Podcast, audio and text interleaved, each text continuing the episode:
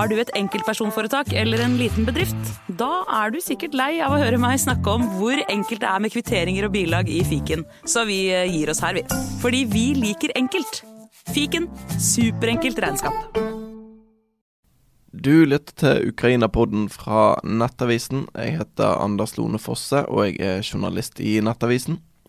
Jeg heter Jørn Sund Henriksen. Jeg er Ukraina-skribent i Nettavisen og leder av Norsk-ukrainsk venneforening. Det er 614 dager siden Russland gikk til en fullskala invasjon av Ukraina, og dermed eskalerte krigen som har vart siden 2014. Og det virker ikke som at uh, den kommer til å ta slutt med det aller første heller. Nå har jo det kommet snø her i hovedstaden, Jørn. Uh, men vinteren uh, nærmer jo seg for alvor nede i Ukraina, altså. Ja, på deler av fronten så har eh, gjørma allerede meldt seg.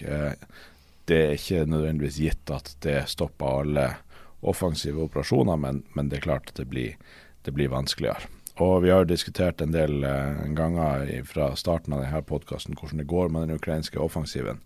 Og Jeg vil understreke at det er fortsatt for tidlig å konkludere, men vi, vi ser at eh, hovedfremstøtet deres har ikke mye tempo. Og det selvfølgelig kan være ting som skjer under overflata som ikke vi får med oss, sånn at de kan plutselig få et gjennombrudd. Men, men sånn som det ser ut nå, så er det lite som tyder på at Ukraina vil få et gjennombrudd før, eh, før vinteren tar til. Og da blir, blir offensive, offensive, operasjoner ikke umulig, men, men, de blir vanskeligere. Så det som er av nytt på, på fronten siden sist, er jo at eh, russerne fortsetter å tape enorme mengder både personell og utstyr eh, ved Avdivka-fronten. Eh, de fortsetter å angripe både i nord og i sør. Eh, de har hatt litt fremgang, russerne, særlig på nordsida der. Eh, og så er det kommet noen rykter, og da understreker jeg at det er rykter. Jeg prøver å være presis på ting som er bekrefta og ting som er, er ubekrefta, om at Ukraina har satt inn friske styrker i området der og gjennomført et større motangrep og tatt tilbake områder. Eh, hvis det stemmer, så kan det være en indikasjon på, på, flere ting. Det kan være en indikasjon på at Ukraina også skjønner at de ikke kommer til å ha et stort gjennombrudd i sør, og slutter å ha store styrker i reserve og sette de inn på forskjellige frontavsnitt. Hvis, hvis det er det som skjer nå, så vil vi kanskje se at Ukraina har litt fremgang på flere fronter, men at de på en måte innenfor den mest umiddelbare fremtida gir opp det å skal slå seg gjennom til, til Azovhavet. Eh, da vil de trenge en, en eh, taktisk pause for å, for å, bygge opp styrker igjen, og, og særlig det her med ammunisjon og, og, forsyninger, og kanskje vente også på, på F-16. Eh, men som sagt, det, det, er mer i en spekulasjonsretning enn en eh, stadfestinger av hva som skjer. 11.11. så frigjorde eh, Ukraina Kherson i mm. fjor. Mm. Og det markerte jo da slutten på uh, den uh, offensiven fra ukrainsk side den gangen. Mm. Ble etterfulgt av uh, en vinter hvor det eneste som skjedde omtrent, var en lang og blodig russisk offensiv mot Bakhmut, som de til slutt tok. Mm. Så um, om det blir det som altså Om vi får en lignende bilde nå i vinter, det får vi se. Men uh, eh, vestlige har jo sagt at bare fordi at vinteren kommer, så er jo ikke det nødvendigvis slutten på den ukrainske offensiven. Og Her er en del X-faktorer som, som, gjør at vi gjør det vanskelig å forutse hva som kommer til å skje. Den største X-faktoren er at Ukraina fortsetter å utvide brohodene sine på sørsida av Dniperelva i Kherson.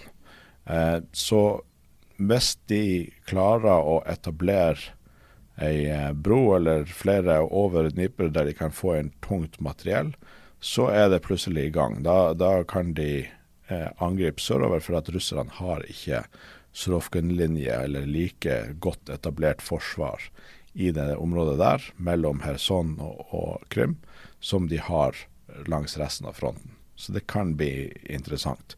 Hittil er det bare lett infanteri som er på, på sørsida. Så, så eh, Ukraina har ikke flytta tungt materiell inn der, men, men det er en X-faktor. En annen X-faktor er at russerne sliter med artilleri. De, de, er veldig avhengige av artilleri. eh, og har nå mye mindre av det enn de hadde i begynnelsen av krigen. Både for at de går tom for både artillerisystem, men sliter med logistikken med, med artillerigranater og det å få det fram til fronten.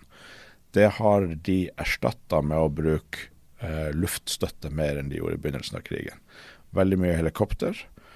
Så fikk Ukraina Atacams og har eh, blåst eh, to, eh, to helikopterflyplasser med det, så russerne har nå mangel på helikopter også, og har dermed begynt å bruke eh, jagerfly, Su-25, i større grad. Og Ukraina skjøt ned en Su-25 til i går, som betyr at russerne har mista seks Su-25 eh, de siste ukene. Sånn at her er en del ting som eh, Ja, den russiske situasjonen blir stadig svekka. De har stadig færre verktøy å, å bruke i denne krigen.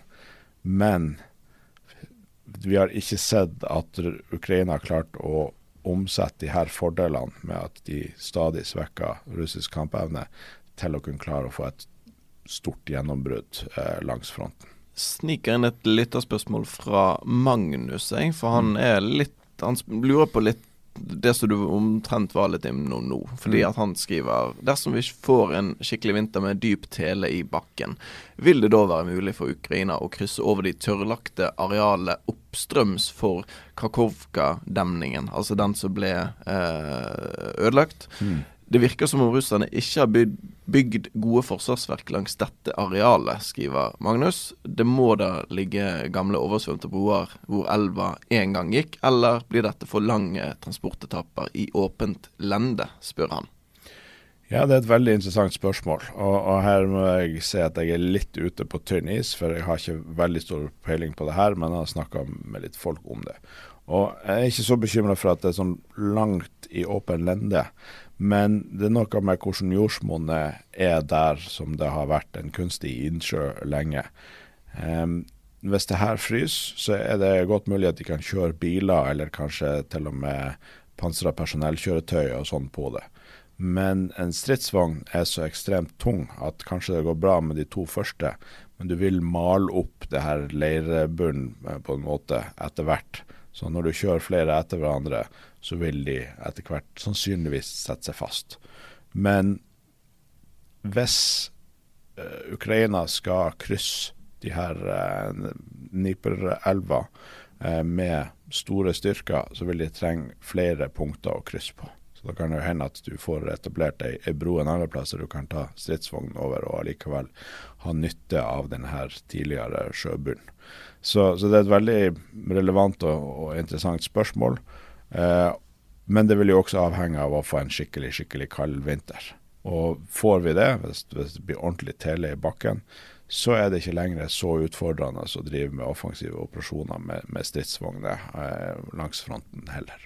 Det virker i hvert fall uh, ut fra uh, kartoversikten fra ISW, så virker det jo som at uh, russerne i hvert fall overhodet ikke forvente at her skal det skje noe. For hvis Dette er vanskelig å få overført i podkastformat, men jeg skal forsøke så godt jeg kan. For det at der Altså de forsvarslinjene som russerne har bygget opp på Zaporizjzja-fronten, altså mm. i sør, sørøst så ser det ut som at det ser ut som en femåring som bare rablet av gårde. Ja. Og det er omfattende, omfattende eh, linjer som strekker seg langt, mange, mange mange kilometer. Mm. Og i lengre vest i Kherson fylke, ned mot Svartehavet, så er det altså Det er, det er mer som prikker, på en ja. måte.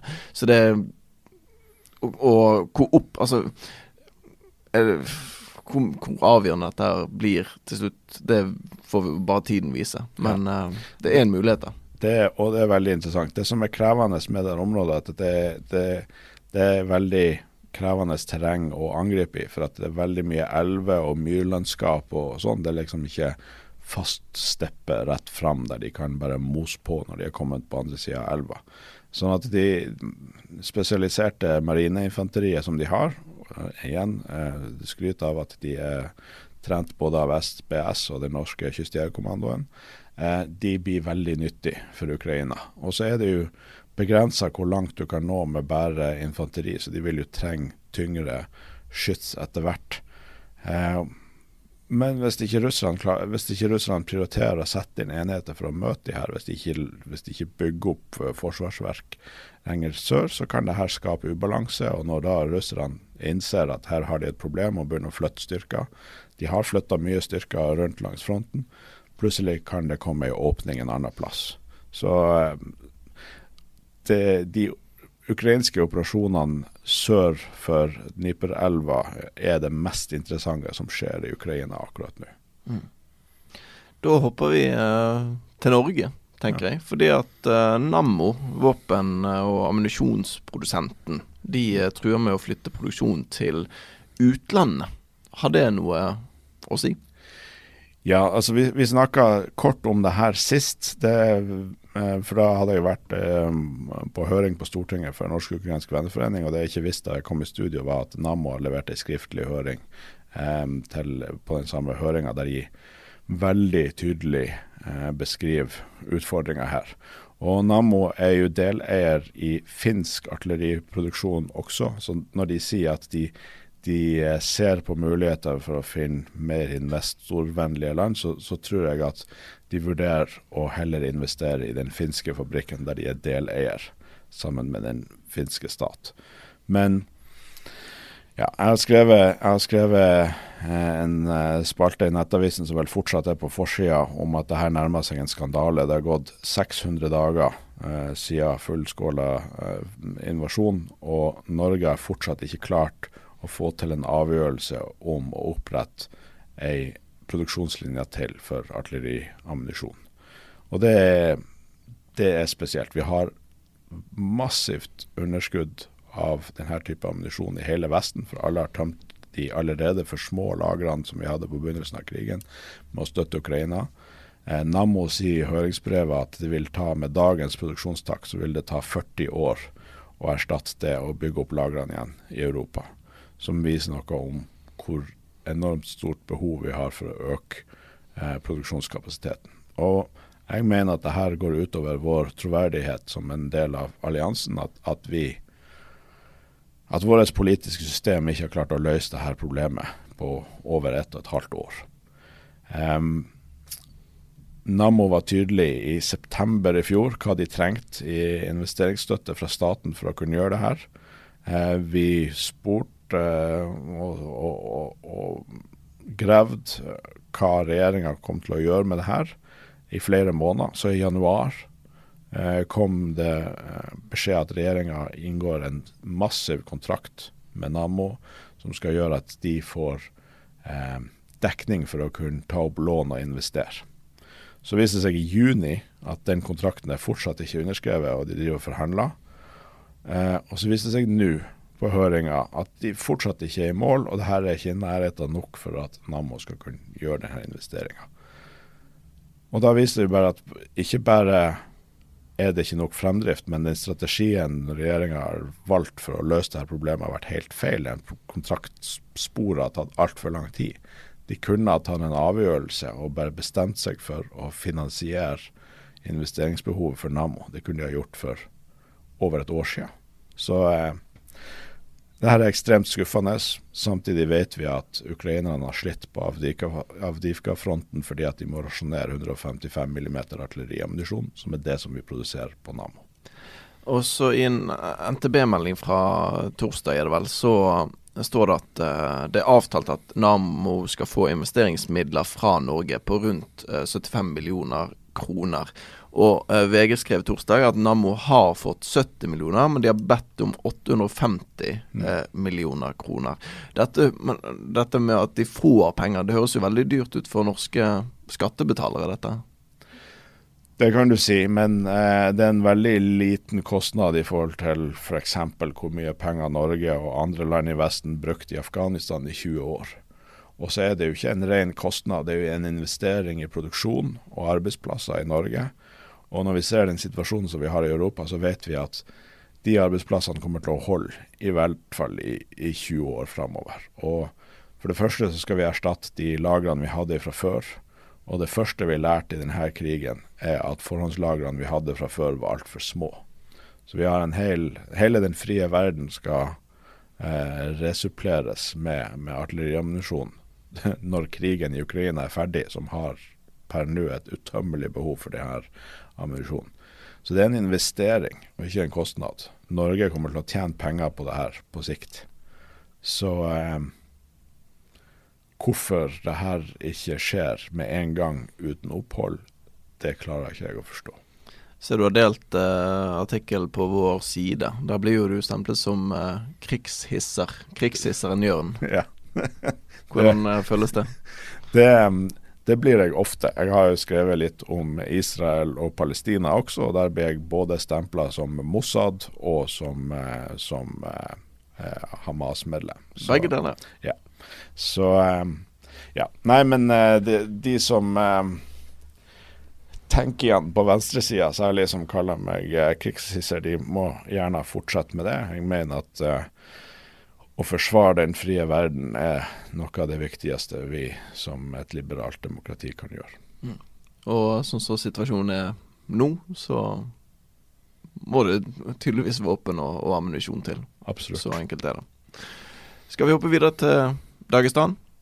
Det kan vi gjøre. Ja, det er en pro-palestinsk folkemengde som brøt seg gjennom eh, dører og sperringer på flyplassen i regionshovedstaden hovedstaden noe sånt, på søndag. Eh, og der var det ifølge NTB mange av de som ropte Allahu akbar, og protesten skal skjedd i forbindelse med at det landet et fly fra Israel på flyplassen. og Om lag 60 personer ble pågrepet, og i ettertid så har Russland sagt at uh, Ukraina spilte en nøkkelrolle i uh, denne stormingen av flyplassen. Uh, Jørn, hva, hva, hva er det som har skjedd? Godt spørsmål. og det er veldig behagelig at det var deg denne gangen som fikk et vanskelig stedsnavn å uttale. men nei, det her er en veldig interessant situasjon. Og um, det var jo helt fullstendig ute av kontroll. De her bildene er jo det er saker både på Nettavisen og du finner det også på, på X eller tidligere Twitter. Jeg ser at de er helt ute av kontroll. Um, det var et fly som kom fra Tel Aviv, og de var spinnville og skulle inn der og sjekke om det var noen jøder på flyet. Eh, det viste seg at det var det ikke. Det var bare russiske statsborgere som har vært på medisinsk behandling i Tel Aviv, og som ble evakuert tilbake til Russland for å unngå krigen i, i Midtøsten. Men ja, det, det er vanskelig å, å, helt klart få en oversikt over hva som har skjedd her. Det, det første vi kan slå fast, er at Ukraina har ikke vært involvert. Det er noen latterlig eh, misinformasjon som russerne alltid kommer med. Dagestan er jo en av de her regionene som er ganske Kreml-kritisk, og det har vært mye protester tidligere.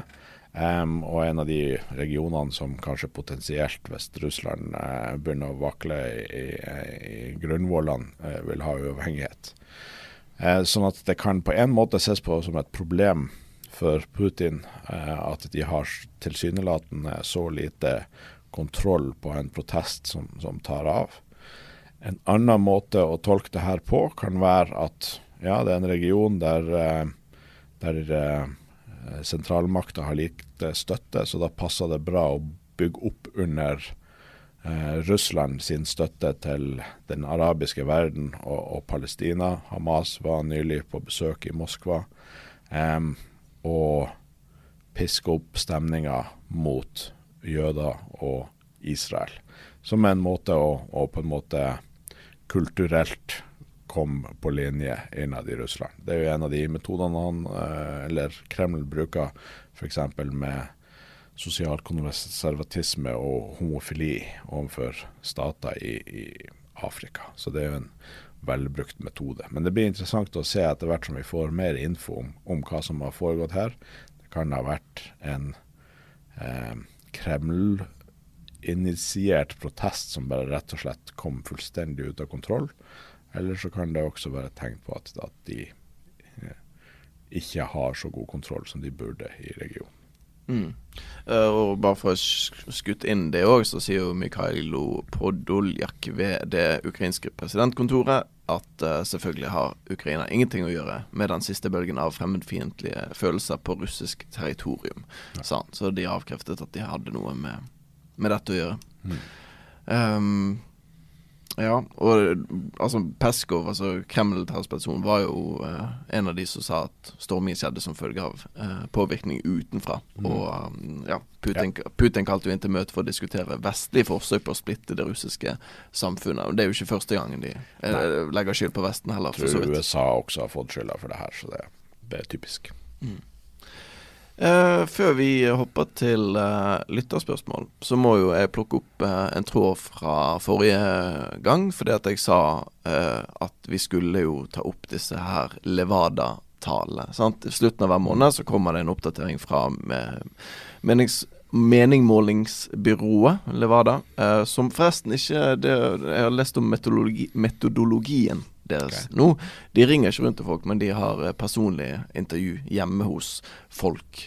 Så det mm, kan jo for så vidt um, Hva skal du si Styrke Altså, vi, vi har vært redd for at ok, hvis de ringer til folk, så lurer du på hvem er det som ringer.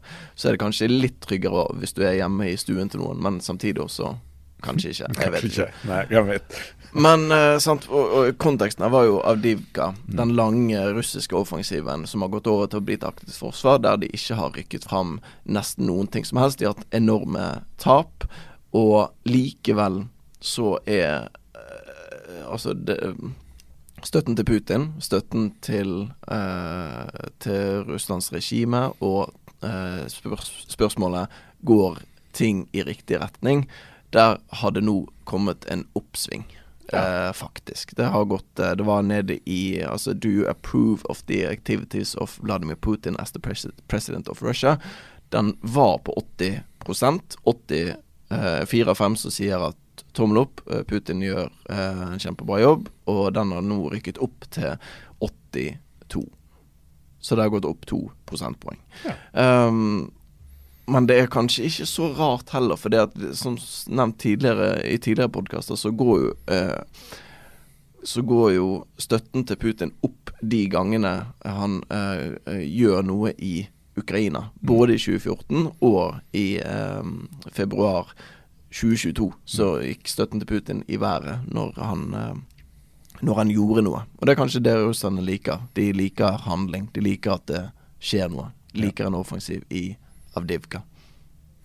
Absolutt. Det, det kan godt være. Det kan også være at krigen i Midtøsten også eh, styrker han eh, tanken om at eh, det er mer og mer kaos i verden der ute, og vi skal være glad vi har en eh, sterk leder som, som holder orden i, i ting. er jo noe som spiller godt i, i den russiske kulturen. Um, det kan jo også bare være at folk eh, ja, Russland blir stadig mer totalitært. Folk har rett og slett ikke lyst til å svare ærlig på det spørsmålet. Eller det er færre og færre kritiske røster igjen som ikke har stukket til, til utlandet. Det er mange ting som spiller inn, men det er jo interessant at det faktisk går, i hvert fall med, med mine øyne, feil vei. Ja. Ikke følge russerne, for der hadde det På det spørsmålet går ting i riktig retning. Altså Russland gått opp fra 62 forrige måned til 64% denne måneden. Så um, Men har vi det. riktig retning er jo interessant, for det er jo um, Vi hadde en merkedag i går med 300 Ifølge den ukrainske oversakten over uh, russiske taptall, tapstall, så kryssa vi 300 000 uh, russiske soldater drept. Um, metodologien her er jo ikke Altså jeg har ingen grunn til å tro at de på en måte øker tallene, men det er jo store usikkerhetsmomenter, spesielt når tallene blir så store som det her. Um, de bruker bl.a. hvis det er noen pansra personellkjøretøy der det er plass til ti personer. Hvis de sprenger den, så regner de fem drepte, for at de regner ca. halvparten er tom, halvparten er full. Så i det større og større tall blir, det større og større blir usikkerheten. Men uavhengig om det er 250 000 drepte eller 350 000 drepte, så, så er jo det her eh, et slags merketall. Og de tenker at ting går i riktig retning i Russland, men se på den demokrat demografiske utviklinga, hvor få unge folk det er i Russland, hvor få barn de får. Og i tillegg så har de mista eh, 300 000 unge, hovedsakelig menn, som er drept. Eh, og i tillegg så må jo det være kanskje dobbelt så mange som er skadd, mange av de hardt skadd.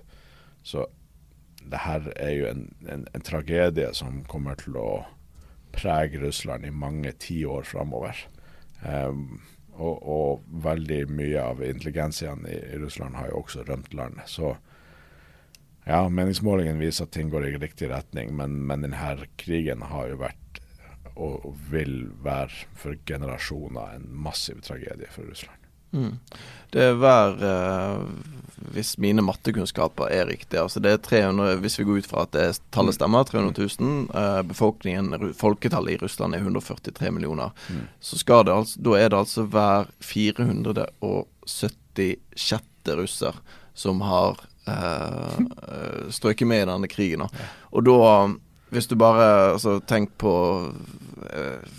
altså, Som nordmann, da. Hvis du har en uh, Facebook-profil mm. med Si du har 800 venner på Facebook, så er det sannsynlig at ok, to av de har strøket med i krigen. Det er jo, Nå fengler jeg veldig her. Jo, jo, men det er et bra tankeeksperiment. Ja, for, at, for, det kommer jo Altså, det er jo noen enkelte eh, miljøer og eh, sosiale klasser hmm. som skjermes. Ja. Altså middelklassen i Moskva f.eks. har jo ikke merket noe til denne krigen, eh, annet enn sanksjoner og, og det. Men sant, altså det, det begynner å bli ganske drøye tall for uh, Russland sin del. Og så kan du selvfølgelig kjøre det samme eh, det samme tankeeksperimentet om Ukraina, mm. men de driver jo for, for altså eh, De driver jo en forsvarskrig, en kamp for um, uh, sin eksistens. Ja. Så at uh, Ja, altså så kampviljen er jo, vil jeg tro, da, bedre der enn den er på russisk side. Og så er det den, den, den aller største forskjellen på de to er jo at Ukraina gjør det de kan for å holde folk i live, og har veldig omfattende system med sanitet og, og lignende sånn.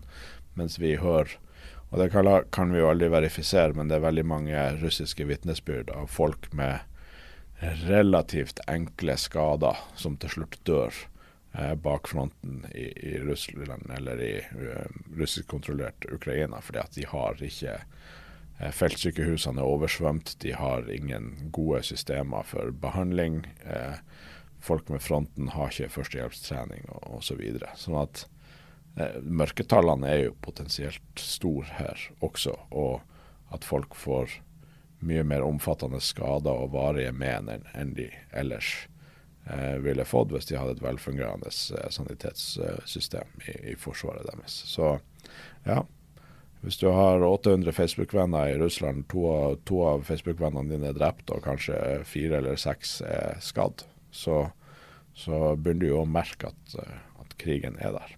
Mm. Bare skyte inn én ting, og det er at du, du, nevnte 300 000 drepte. Men det er vel casualties som Nei, det drepte. nevnes? Det er drepte? Drepte på den uh, ukrainske oversikten. Ja, OK. For jeg, jeg, nå er jeg bare inne på um, Wikipedia her, og de bruker jo uh, amerikanske estimater, da. Og der er det dette fra til og med eh, slutten av august. Da er det 120 000 russiske soldater drept. Eh, og 180 000 eh, skadde. Mm. Så det til sammen blir jo 300 000 eh, folk som i mer eller mindre grad eh, ikke kan delta i krigen ja. lenger. Eh, USA estimerer også i samme tidsperiode, og dette er etter fullskalainvasjonen, 24.2.2022, så estimerer de på ukrainsk side 70 000 drept og 120 000 eh, skadet. Så til sammen 190 000. Så mm. um, Ja, den amerikanske det amerikanske tallet for, uh, for uh, russiske casualties, uh, drepte pluss skadde, er mer konservativt enn en Ukraina sin egen telling. Og så er jeg ikke sikker på hvordan de gjør det med tallet med, med ukrainere. Men um, noen tall som er kommet ut fra Ukraina sin egen telling når det gjelder deres egne drepte og skadde, så er det jo sånn at hvis en og samme soldat er blitt skadd flere ganger, så telles den som flere skadde. Så du kan potensielt ha en soldat som har slåss siden februar 2022, har blitt skadd fire ganger, og så eh, blir drept. Så vil jo den personen bli talt fem ganger i, i det tallet. Mm. Og bare for Nå tok jeg eh, skadde pluss eh, drepte, så er det hver 230. ukrainer. Så har vi et tall på det også. Ja. En massiv, massiv tragedie for Ukraina, selvsagt. Og i tillegg så, så har du jo ja, De har stor skade på infrastruktur, men de har jo veldig mange sivile drepte. Og de tallene aner vi jo ikke enda. Det er jo først når en gang hele Ukraina blir fritt og de blir å åpne f.eks. massegraven utenfor Mariupol, at vi får endelige tall på hvor mange sivile ukrainere som blitt drept i denne krigen. Ole har sendt et lite spørsmål. Han lurer på hvor mange tanks, panserkjøretøy og fly Russland har mistet totalt. Og vet vi noe om hvor mye de har igjen? Eh, du kan kanskje prøve å svare litt sånn i prosent. Altså hvor sånn, Vet vi noe om det? Det, det er veldig vanskelig å si. For eh, det vi vet, er at de, tall, de, offisielle tallene russerne hadde når krigen starta, ikke stemmer. Eh, og så er jo den, eh, den beste kilden eh, i forhold til hva russerne helt sikkert har tapt, er Oryx. Så hvis du går inn på Oryx og ser på listen deres, så er hver enkelt russiske tap der eh, bevist eller eh, bekrefta med foto eller video. Og der er vel rundt 2000 russiske stridsvogner tapt. Og så er vel tallet på den ukrainske oversikten rundt 5000, hvis jeg ikke husker helt feil. Eh, det som er med Oryx-tallene, er at det er absolutt minimumet. Altså det, det vet vi bekrefta er tapt. De har sannsynligvis tapt mye mer. Eh, om det er så mye som den ukrainske oversikten viser, det, det, vet vi ikke. Sannheten er kanskje en plass mellom der, men sannsynligvis mer i retning av det ukrainske tallet enn Oryx, siden Oryx er et absolutt minimum som vi vet de har tapt. I prosentvis i forhold til hva de hadde fra før, er veldig vanskelig å si. For at det vi vet, er at nå er de på, på stridsvogner, så henter de fram T55. Og det, det, betyr en stridsvogn som starta serieproduksjon i 1955. Um, og satellittbilder av de store lagrene og parkeringsplassene over stridsvogner og pansra kjøretøy viser at ca. 40% av det som sto der, er henta ut. Men når de har kommet ned til T55, det finnes fortsatt T90 og T80 og T72 på slagfeltet, men når de henter frem T55-en, så viser de jo at russerne har brent eh, 70 år med produksjon, omtrent. Mm. Eller, ja i hvert fall en veldig stor prosentandel av 40, 70 år med, med stridsvognsproduksjon. Um, så uh, Bare for å skyte inn de andre du listet opp, det er mer moderne ja. stridsvogner? En, en T80 starta serieproduksjonen i, i 1980, T72 i 1972. Det er der tallene kommer ifra. Så den nyeste stridsvognen deres, Aramataen, som en T14, den starta offisielt serieproduksjonen i 2014 men de har vel tolv av de eller noe sånt, og de har ikke tort å bruke de på, på slagfeltet. Så T90M er den mest moderne stridsvognen russerne har brukt på slagfeltet i Ukraina, og den har de neppe mange eh, igjen av. Sånn at ideen om at Russland om fire-fem år er klar til en ny storkrig igjen, eh, hvis det blir fred i Ukraina, det stemmer ikke. For at de har ikke nærhet av produksjonskapasitet til å kunne erstatte det de har mista i denne krigen, som er mange tiår med, med industriell våpenproduksjon. Så har Ole et uh, spørsmål nummer to òg. Han lurer på hva gjør at prorussiske mennesker holder med Russland i denne krigen, da Russland har et uh, totalitært styre, de har ikke pressefrihet, uh, talefrihet osv., skriver Ole. Kan jeg kan begynne å skyte inn én ting, og det, det, går jo litt på den støtten som Putin har, 82 Der har jo flere Eh, Russland-eksperter som jeg har pratet med, som har vært mye i Russland, pratet med russere, de har jo fått et inntrykk av at eh, at de kan ikke gjøre noe med politikken. At de eh, Russland er Det går sin gang, og så har de sitt eget personlige liv. De er veldig opptatt av det, og så tenker de ikke så mye på det politiske. Det, det er nå bare Putin som styrer. Sånn er det. Mm. Får ikke gjort noe med det. Sitter hjemme, ser på russisk TV eh, som er statlig styrt. Får ikke gjort noe med det. Mm. Så russere, spesielt eldre russere, som bare bruker TV som sin eh, kommunikasjonskanal. Det har jeg eh, si, Det har jeg full forståelse for at eh, de blir litt sånn apatiske, litt sånn Kanskje gjøre noe. Støtte mm. Putin mm. når noen uh, kommer og spør. Men hvis vi kan for jeg, det står, Han lurer ikke altså Ole spesifiserer ikke spørsmålet om han mener nordmenn eller mm. eh, russere. Men hvis vi tar utgangspunkt i nordmenn du, du har jo å si, kontakt med, med, noen av de i kommentarfelt og alt mulig. Omfattende sosiale mediekontakt eh, med, med, noen av de. Og, og det, det, er vanskelig å si. Eh, Putin og Russland har en slags cult following i Vesten. Både i Norge og, i andre land. Og det er jo et, interessant studie i seg sjøl hvordan hvordan det blir sånn. Um, vi snakka en del om den hesteskoteorien om at ytre venstre og ytre høyre møtes jo i en slags sånn um, forkjærlighet for det totalitære. Vi har jo sett de her eh, fredsmarkeringene der um, en del folk som har brutt ut av ytre venstresida i, i Norge og danna nye fredspartier og lignende. De har demonstrert sammen med Alliansen, som jo er nærmest et eh, nazistisk parti. Um, så, så, ytre høyre og ytre venstre møtes jo. Jeg opplever at veldig mye og det er mine betraktninger, de vil jo selvsagt være uenige med meg, men at det er en del av de her folkene, som ikke er veldig mange, men de er likevel en høylytt gjeng med individer, finner de hos Steigan bl.a. På ytre venstre, de ser verden ut ifra at eh, USA er det ondeste som finnes i verden, eh, og er kilden til absolutt alt ondt i verden. Og all, alle kan måles i en skala fra dårlig til bra etter hvor mye de er imot USA. Så dermed så blir Russland bra, Iran bra, Nord-Korea bra. Alle som er sånn der anti-USA, er positivt. Så det, det, er litt av den noen ideologiske bakteppet eller ryggradsrefleksen som gjør at de på en måte tror på alt Putin sier og mener at det er naziregimet i Ukraina, og at eh, det var USA og Boris Johnson som stoppa fredsforhandlingene med, med Russland osv. Men så har vi på ytre høyre nynazister flest støtter Russland. Eh, sånn at det er også en, en, del av den ironien når det er snakk om eh, naziregimet i Kyiv. Eh, nynazister flest støtter Russland for at eh, Putin er jo en fascist, driver et eh, fascistisk styre i Russland. Så de som liker fascisme og, og, eh, og sterke voldsforherligende ledere, de vil jo naturlig finne sitt hjem eh, i Kreml.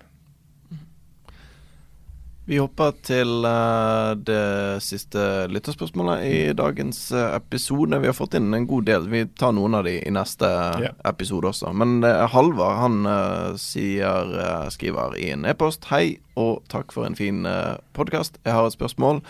Hvordan tror dere valget av Mike Johnson som speaker i Representantenes hus vil påvirke videre amerikansk støtte til Ukraina? Kan du begynne med å uh, si at uh, Johnson har vært uh, altså lite interessert i å støtte Ukrainas forsvarskrig mot Russland. Han har flere ganger stemt imot støtte til Ukraina. Det meldte The Hill i forrige uke. Og uh, på pressekonferansen onsdag, altså for uh, en knapp uke siden, så fremsto Johnson som mer åpen for å fortsette å hjelpe Ukraina, men han sa det må knyttes betingelser til støtten. Ja, og det, det her valget av speaker er en, en liten katastrofe for Ukraina, frykter jeg. Jeg tror ikke han er i stand til å stoppe amerikansk støtte til Ukraina, men han gjør det vanskeligere og drar ned tempoet han sa da han ble valgt at han støtta militær støtte til Ukraina, men, men akkurat denne uh, lille klikken i det amerikanske republikanske partiet har jo ikke nødvendigvis en veldig sånn eh, tett, eh, tett, nærhet til det, ting som har med sannhet å gjøre, og, og ikke lyg. Han sa at han støtta det, så det neste han har gjort, det er å si at Eh, nei, vi, vi støtter ikke Biden sin tilnærming om en felles pakke for Israel og Ukraina. Vi må splitte de to. Uh, så har de fått gjennom noen krav. Det å opprette en egen sånn uh, um, egen etat som skal liksom følge med Ukraina-hjelpen, eh, og at den brukes eh, riktig. Eh, likevel så virker det som at han blir å dra føttene etter seg på å på en måte ta opp i Representantenes hus eh, lovforslag som har med støtte til Ukraina å gjøre. Eh, jeg har fulgt mye med, med, amerikansk politikk for noen år siden, så jeg er litt rusten på, på institusjonene. Men sånn som jeg har forstått det, så, kan, så må han frem eh, lovforslag og, og, vedtak som er vedtatt i Senatet til Representantenes hus.